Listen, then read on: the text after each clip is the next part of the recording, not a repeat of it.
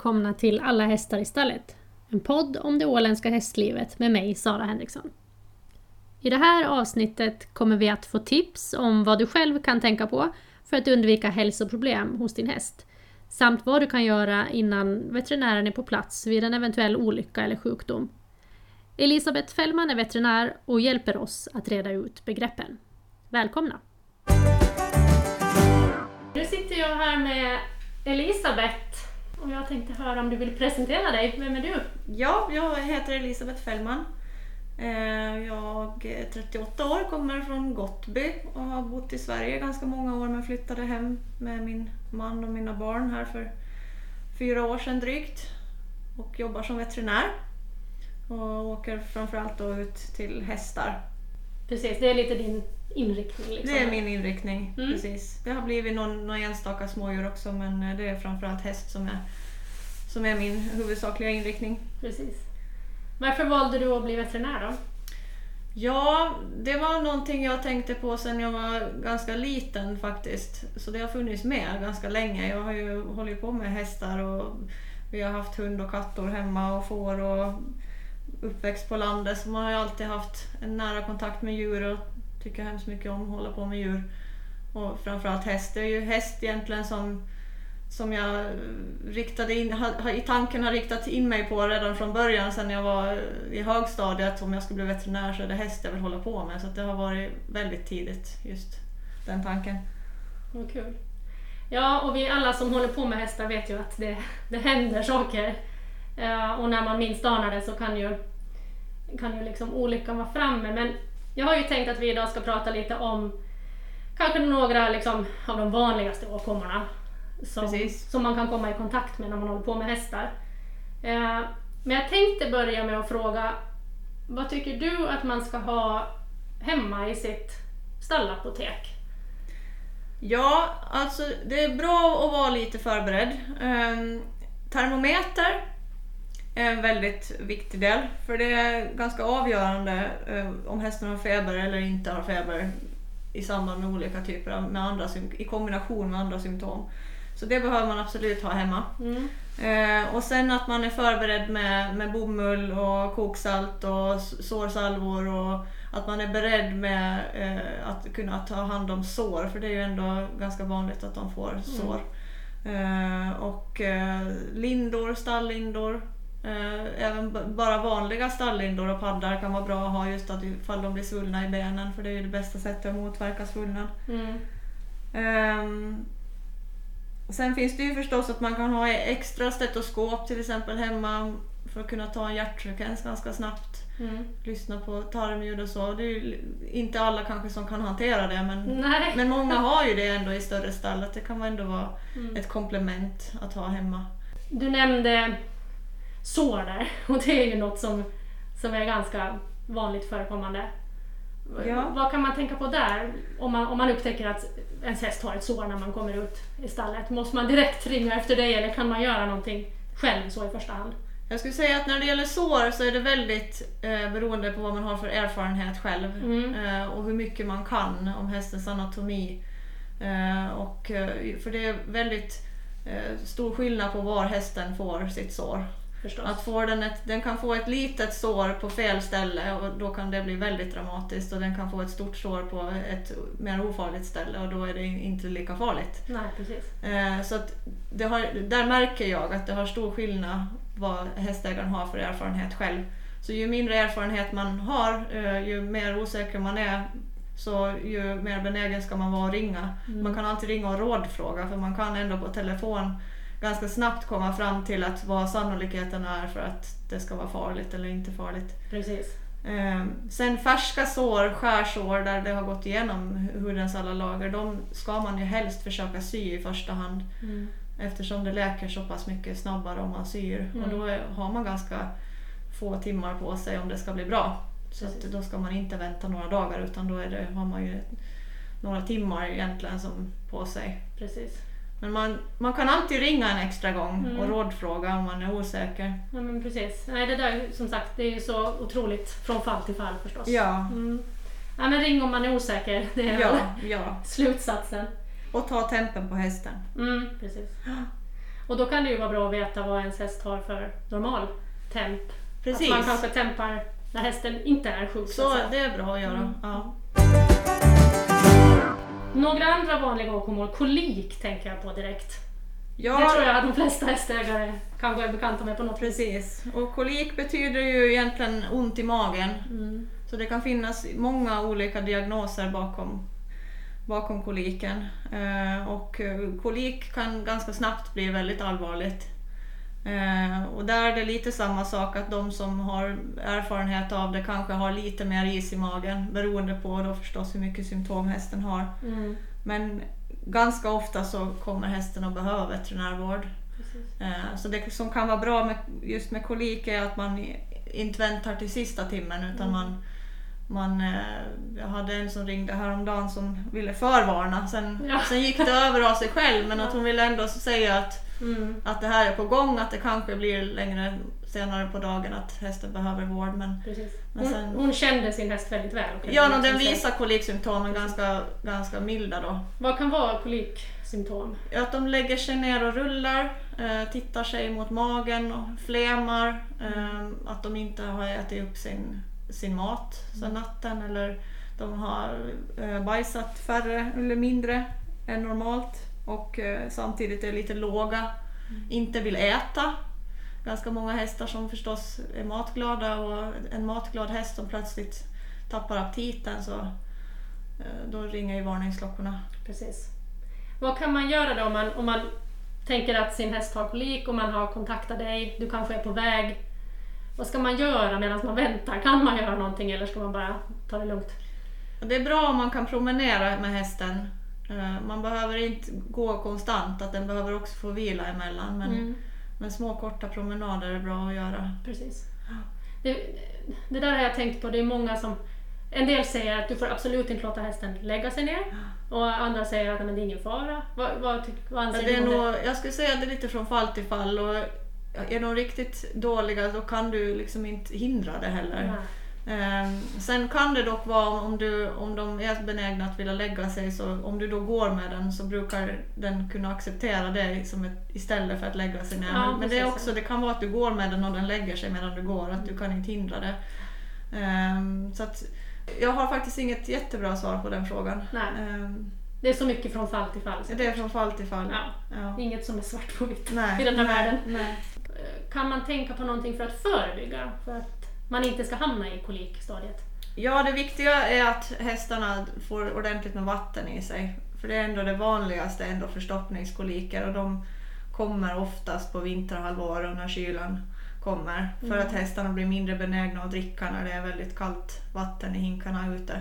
Precis. Så termobar, de här eh, vär- värm, värmda vattenkaren, så de, de funkar ju bra Ja. eh, för att motverka det. Så eh, det är nog det allra viktigaste, att man ser till att de får i sig vatten. Precis.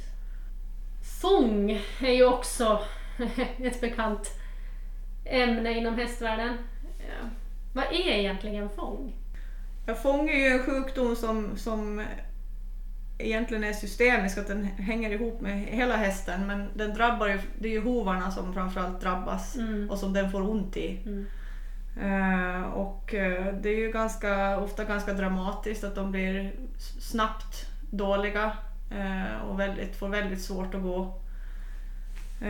Och behöver behandling också direkt. Mm. Och ganska vanlig tyvärr sjukdom. Ja, hade, hade det blivit vanligare? Eller upplevs det bara så kanske? Jag, jag tycker att man varje år säger att det är mycket fång. Ja, precis. Men att det är det var hela tiden. Så länge jag har jobbat så är det ju Ja. ganska... Jag, jag tycker man stöter på den sjukdomen Mm. ofta. Mm. Precis. Och det är ju ingenting som man ska vänta på eh, eh, att se åt vilket håll det går utan de hästarna behöver behandling direkt. Precis. Eh, och ju tidigare de får behandling desto bättre prognos och desto snabbare brukar de återhämta sig också. Precis. Att låter man, gå, låter man det gå en vecka eller till och med två om de in, har ganska milda symptom så har man förvärrat, försämrat prognosen jämfört med att man direkt tar ut veterinär. Mm. Vad är det första man gör när man har ett fång fall? Du som veterinär. Liksom. Ja, man, man undersöker ju förstås och oftast så ser man direkt att det är det. Mm. Eh, och sen är det då antiinflammatorisk medicin som de får. Och sen kanske också lite upp till ägaren förstås.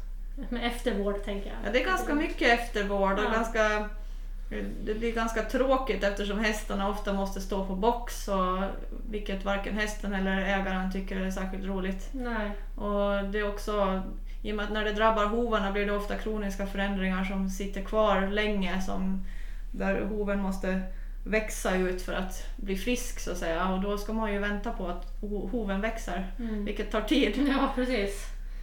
Eh, Det här kanske är väl också ett samarbete med hovslagare tänker jag. Det är det absolut. Olika Det- beslag, eller ja, hur man ska gå vidare liksom. Precis, det är Mm. ofta ett, ett tätt samarbete mellan ägare, veterinär och hovslagare. Precis. Vad kan man tänka på att förebygga fång? Ja, alltså fång. Vissa hästar är mer benägna att få det än andra. Eh, och det är ju framförallt ponnyraser och islandshästar. Eh, det, hänger ju, det, det är en ganska komplex sjukdom som kan orsakas av olika saker. Men det, det klassiska är ju hästar som, som helt enkelt har ett eh, för högt hull. De, och de eh, äter mer än vad de bör. Och kanske för starkt. för Antingen att de får kraftfoder med stärkelse i som de inte klarar av eller att de går på för kraftigt bete eller får för kraftigt grovfoder. Ehm, så att det är de hästar som, som tillhör de här raserna, islandshästar, ponnysar och så, eh, så ska man försöka hålla hullkontroll på. Mm. Eh, och att man är försiktig vid foderbyten och när de släpps ut på bete och liknande. Eh, att man ger dem en långsam tillvänjning på Mm, det. mm. Men det finns hopp, en häst som får fång. Det finns liksom hopp Det finns absolut hopp. Mm. Eh, jag tycker att, att de allra flesta ändå botas.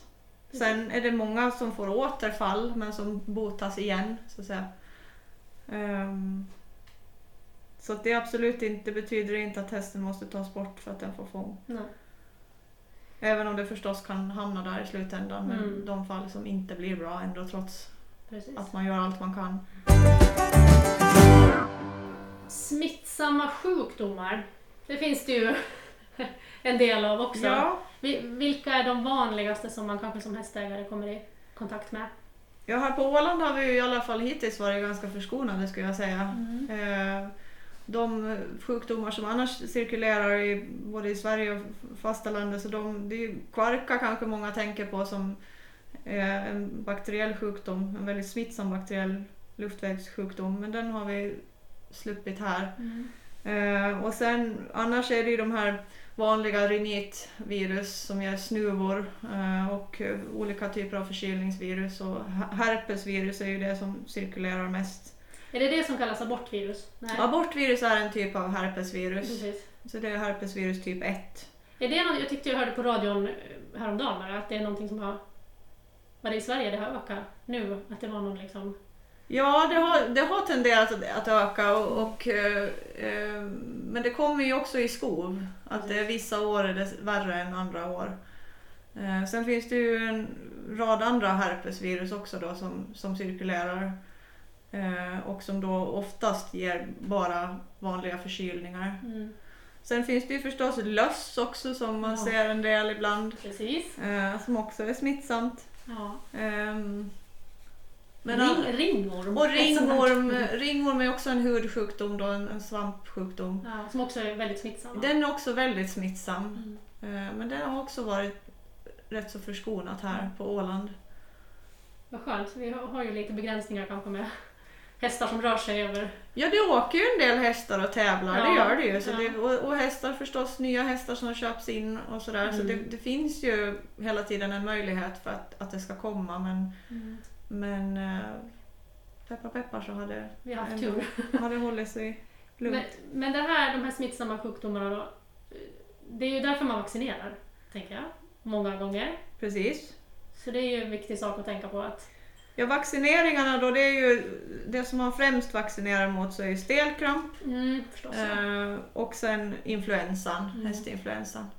Sen kan man vaccinera också mot eh, två typer av herpesvirus. Då, Mm. Den här abortvirusen och en till. Eh, även om det vaccinet in, inte har samma eh, skydd riktigt som mot influensa. Och det är inte heller lika vanligt att man vaccinerar mot herpesvirus. Det är ju influensan och stelkrampen som de allra flesta vaccinerar mot. Precis. Just det här abortviruset, är det viktigt att tänka på det om, om du ska ta föl på ditt sto till exempel? Att, Ja, det bör ju finnas med i, Mm. att man är medveten om det. Precis. Så där vaccinerar vi ju en, en del sådana ston, dräktiga ston. För det kan ju sluta med att stoet aborterar. Ja, det är liksom precis. det det innebär. Precis. Mm.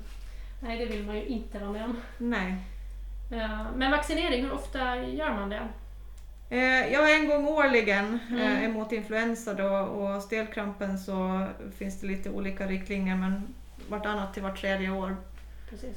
Och så är det lite olika om man tävlar aktivt va? Precis. Ja, oftare, ja, det är ju, det är ju influensan som är obligatorisk för att tävla. Stelkrampen den har, har inte med tävlingsreglementet att göra Nej. även om den, det är den viktigaste vaccineringen. För hästens För hästens skull. Ja. Eh, Men där har ju alla reglementen lite olika. Trav och ridsport och islandshästar har alla lite olika. Men de är ungefär. Det är inte så stora skillnader på dem. Nej, precis. eh, På antal dagar mellan doserna i grundvaccinering och Mm. liknande. Då. Precis. Men det är en gång årligen som eh, influensavaccinet måste ges då. precis. Och då skrivs det in i passet så att det liksom följer med hästen. Precis. Mm. Parasiter. Det är ju också någonting man, man kämpar med som Ja. hästägare. Ja, Ja, de får vi ju. Leva med. Ja, De blir vi ju aldrig av med så att säga. De är en del av, av, av hästlivet. Ehm, tidigare så, vax, så uh, avmaskar man eh, eh, mer regelmässigt men sen har man ju sett då att det har utvecklats resistens hos parasiterna mot avmaskningsmedlen så att man har fått bli mer restriktiv där då och därför blev också avmaskningsmedlen receptbelagda för ett antal år sedan från att tidigare ha varit receptfria. precis. Så nu behöver du ta ett så kallat träckprov, eller hur? För att Precis. liksom få... Nu behöver man ta träckprov helst ehm, och, eh, så att man får en bild av hur mycket parasiter man har i sin, sin lilla flock. Ehm, och eh, optimalt är då att man avmaskar enligt de träckproven. Precis. Är det någon eh, speciell tid på året som är bäst att avmaska? Ja, det är bäst att ta träckprovet på våren. När våren har, och värmen har kommit, så runt maj, Mm. slutet på april. Tar man det för tidigt så riskerar man att få ett eh, falskt eh, negativt prov då att hästen har mask men provet säger att den inte har mask. Okej. Och det har att göra med de här mask- maskarnas livscykel och hur de fungerar i, i hästen. Precis. Nå- Något nu som slår mig så här är ju de här, nu kommer jag inte ens ihåg vad de heter, de här som fastnar på hästens ben. Styngflugor. Precis. Ja. Det, de, det kan väl också bli ganska allvarligt till slut, eller? Om Eh, de får dem i sig? man brukar regelmässigt inte avmaska mot styngflugan. Nej. Eh, Det viktigaste med den är att man försöker att skrapa bort de här äggen som fastnar på benen. Det blir som små vita prickar på Precis, håren. Liksom. som fastnar på benen som sen hästen då slickar i sig och sen tar de sig genom munhålan ner i, mag- ner i magen på hästen. Ehm, och där är det allra viktigaste att man försöker skrapa bort de här äggen. Man kan också lägga på, vissa lägger på kyl, utblandad kyllera med vatten på benen för att eh, motverka då att, att de dels fastnar och att hästen inte vill slicka på det där. Precis. Ehm, Så det är det allra viktigaste. Sen kan man också avmaska mot den men man rekommenderar inte att man ska göra det regelmässigt. Ja. För att när de väl har kommit in i magen på hästen så utgör de inget större problem utan problemet är framförallt när de ska ta sig dit. Det. Att det kan ge obehag i, i tunga och i munhålan på hästen. Mm. Ja, och sen se över sina beten lite va? Det är viktigt att liksom, för att hålla, jag tänker hålla ner parasittrycket. Ja, det är ju en, en stor del egentligen av, av eh, den förebyggande eh, hanteringen mot parasiter men det är klart att många har ju begränsad mängd hagar. Att man Mm. har, alla har inte möjlighet att tillämpa den här eh, växlingen av beten som kanske skulle vara optimal. Mm. Eh, utan då får man ju göra vad man kan. Eh, många mockar ju sina beten också. Väldigt, folk är väldigt flitiga måste jag Ja. säga med att mocka sina beten. Mm. Eh, och det minskar ju också trycket förstås. Förstås. Så det där är ju också en, en hel vetenskap hur man, om man har möjlighet, möjlighet att låta beten vila och, och hur man ska då eh, ta träckproven och avmaska i samband med de här växlingarna och liknande. Mm. Men det beror ju också lite på vad man har för tryck. Och tar man träckprover några år i rad vid rätt tidpunkt och man ser att de har väldigt lite mask och hästarna är fina i hullet och fina i pälsen och då behöver man ju inte vara lika orolig. Nej, precis. Svårare är ju de ställen där det kommer och går väldigt mycket hästar. Det är ett stort utbyte av hästar. Precis, ja. Där blir det lite svårare att, att eh, tillämpa de där Mm. principerna. Men är det nästan så att hästar alltid har någon, liksom, någon grad av parasiter i sig? Eller? Ja, man, ja. Mm. Eh, och man ska egentligen inte sträva efter att få dem fria heller. Nej. Vi ska inte sträva efter att få dem eh, att utrota då framförallt den här lilla blodmasken som är den som man oftast avmaskar mot. Mm. Eh, Den stora blodmasken den vill vi gärna bli av med.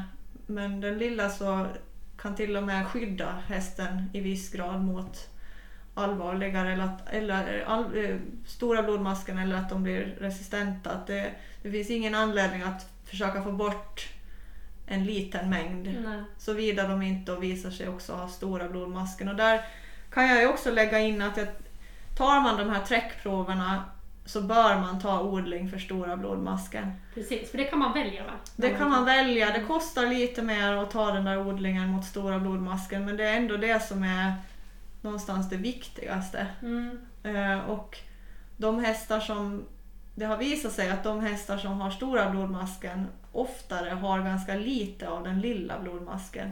Och då kan det ju bli fel då att man får provsvar att hästen har ganska lite mask. Man har inte tagit odling och då avmaskar man inte fast man egentligen verkligen skulle ha behövt göra det för att den hade den stora men man, Precis. man har inte odlat så man vet inte om det.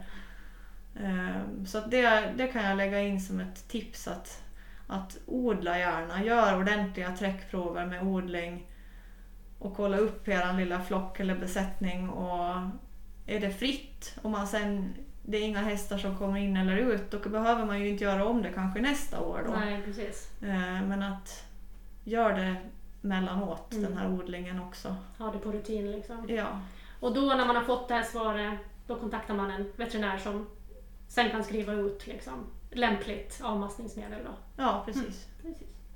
Vad bra. Tänder, hästens tänder. Det är ju också någonting som, som behöver ses över precis. nu och då. Mm. Och det kan ju du. Ja. Jo, det görs. Det är många duktiga och låter sina hästar få regelbunden tandvård. Mm. Eh, och eh, det är framförallt unga hästar och äldre hästar, hästar som har mest behov av det. Mm. Eh, så det börjar man ju oftast med då innan de rids in eh, eller körs in. Eh, tar bort vargtänder och, och sen en regelmässig eh, kontroll då, ofta ungefär en gång årligen. Precis. Sen har de inga problem, sen kan man ju ha lite mer sällan kontroll. Eh, om det ändå inte finns någonting att åtgärda så att säga. Eh, sen när de börjar närma sig 20-årsåldern eller strax innan då kan de börja få lite mer åldersrelaterade problem istället. Mm.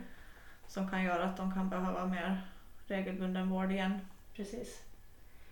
Någonting som jag tror de flesta har hört, det är vargtänder. Precis. Vad är det för någonting? Ja, det är egentligen som små ehm, det, det, små tänder oftast i överkäken på hästen som sitter framför kindtänderna som kan vara i vägen för bettet då, Precis. tränsbettet. Ehm, så att hästen har egentligen inga besvär av dem om den inte skulle ha någon, någon bett i munnen då. Men ehm, de kan skava och vara i vägen. Just det. Alla hästar får inte de här vargtänderna men Nej. de flesta får dem. Och då tar man bort dem. Och då tar man bort dem. Precis. Ja. Kan man som hästägare själv se det här om man spanar i sin häst? Eh, du kan se dem ja. Mm. Eh, du behöver ju titta in dem med lampa. Och, men eh, du, kan, du kan få syn på dem Ja, om du vet var de sitter. precis. Men annars ta som rutin och liksom ha någon att titta på. Precis. På din hästs tänder. För de ändrar ju ganska mycket med åldern också. Det gör de. Hela tiden liksom. Ja, hästens tänder fungerar väldigt annorlunda mot våra tänder. Ja. Så det är viktigt. Och som du säger, de är ju inte egentligen skapta för att ha ett bett. Nej, I munnen, nej, så. nej. Så det, det, det känns självklart att man behöver ha koll på dem. Ja. Mm. Vill du tipsa om något annat så här rent allmänt? Vad ska man tänka på för att hålla sin häst frisk? Liksom? Jag tänker med rutiner, foderrutiner. Ja, hästarna är ju... ehm, de mår bäst av att äta grovfoder och det, de allra flesta så har det tänket märker jag. Och grovfoder är ju då Och hö- grovfoder är, ju gräs Mm. och sen då hö, hösilage. Eh, också lucern räknas som grovfoder. Ehm, foderanalyser på grovfodret, det kan vara bra att ha. Mm. Så man vet, för det kan skilja ganska mycket och behöver inte ha med kvaliteten att göra. Att det kan lukta och se väldigt bra ut men ha ganska dåligt näringsvärde. Precis. Ehm, Så det kan vara bra att man, man har koll på det. Mm. Eh, Sen är det svårt eftersom det skiftar väldigt mycket från eh, olika marker och från år till år. Precis. så att man kan behöva ta flera stycken då för att få en, Mm. en rättvis bild. Och där kan jag tänka mig att många kanske drar sig för att de tycker att det här provet eller analysen är dyrt. Men, men visar det sig då att du har ett ganska bra foder så kanske du slipper köpa kraftfoder hela vintern istället. Då, liksom. Så är det ju. Ja, Man famlar lite i blindo ja, när man inte tar. att man kan ju kanske balansera ut det mycket bättre Ja, om man vet vad man behöver ge som tillägg. Precis. Mineraler, det är väl ofta kanske något som... Ja, det Behöver ofta kompletteras med mineraler och det tycker jag också de flesta gör. Mm, Ehm, sen däremot som kraftfoder då, det är inte så många hästar som egentligen skulle behöva kraftfoder. nej. I teorin så skulle alla hästar av olika raser och, och sport klara sig på grovfoder men i praktiken så behöver ändå en hel del tillskott av olika slag. eh, om de är svårfödda och tävlar mycket och, Mm. och sådär. Men, eh, men man ska utgå i alla fall från att det är grovfoder som är det absolut viktigaste och som de mår allra bäst av. Mm. Vad bra! Tusen tack Elisabeth. Nu tror jag att vi alla har lite mer kött på benen kanske. Ja men tack själv, det var jätteroligt Ja. att komma. Vad kul. Tusen tack! Tack tack!